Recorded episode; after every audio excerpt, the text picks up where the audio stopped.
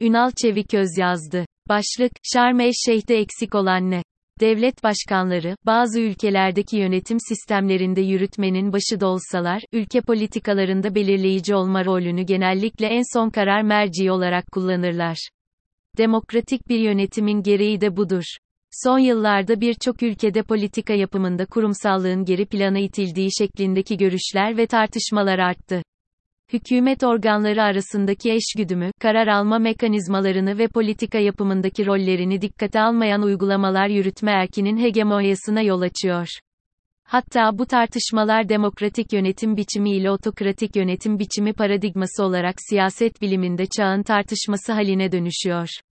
Devlet başkanları arasındaki ilişkiler bazen bir ülkenin genel dış politikasına olduğu kadar birçok başka alandaki politikalarına da etki edebiliyor. Örneğin, Cumhurbaşkanının Mısır'ın devlet başkanı Sisi ile görüşmekten kaçınması, Suriye'nin devlet başkanı Esad ile görüşmemesi, hatta son olarak Yunanistan'ın başbakanı Mitsotakis ile de artık görüşmeyeceğini açıklaması Türkiye'nin dış politikasındaki tıkanıklıkların sebeplerinden biri olarak gösteriliyor.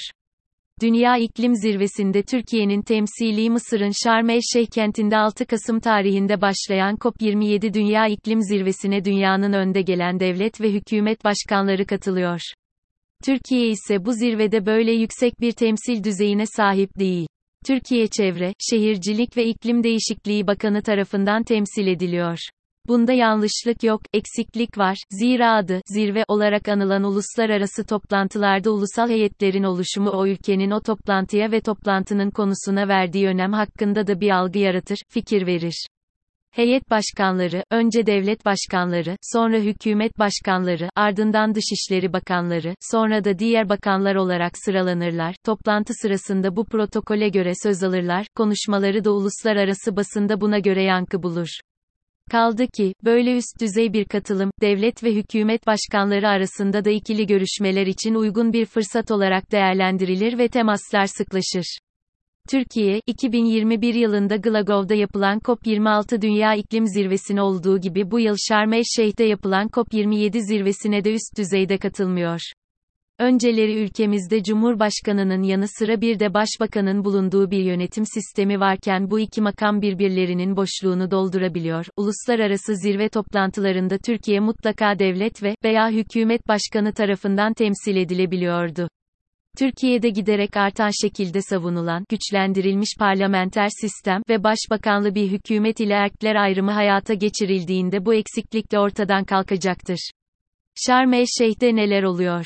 Neler olmuyor ki? Örneğin, Ukrayna Devlet Başkanı Zelenski, Rusya'nın ülkesine başlattığı askeri saldırganlık sonucu 6 aydan kısa bir zamanda 5 milyon dönüm ormanlık arazinin yok olduğunu dile getiriyor. Bu çarpıcı örnek, dünyada barış olmadıkça güçlü ve sürdürülebilir bir iklim politikasının da olmayacağını göstermeye yetmez mi? Rusya-Ukrayna savaşının yarattığı enerji krizi Birleşik Krallık, Almanya, Hindistan ve Pakistan başta olmak üzere birçok ülkenin en kirli fosil enerji kaynağı olan kömürü daha çok kullanmaya başlamasına yol açıyor. Hindistan'ın başkenti Delhi'de hava kirliliği insan sağlığına zararlı olan oranları çoktan aştı. En çok zararı ise küçük gelişmekte olan ya da az gelişmiş ülkeler görüyor ve buna karşı tepkilerini dile getirmek için de COP27'yi çok etkin bir şekilde kullanıyorlar.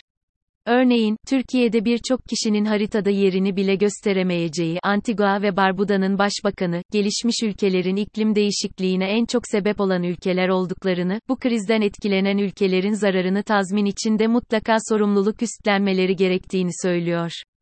Çin ve Hindistan'a bu şekilde bir çağrıda bulunuyor.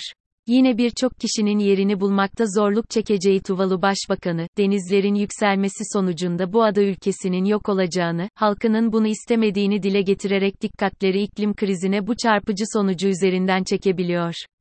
Gelişmiş ülkelerin devlet ve hükümet başkanlarının ikili görüşmeleri çok daha fazla gündem olsa da, bu yazıda çarpıcı örnekleri dile getirerek çevre, iklim ve gelecek bilinci ile duyarlılığı yükseltmeye çalıştım.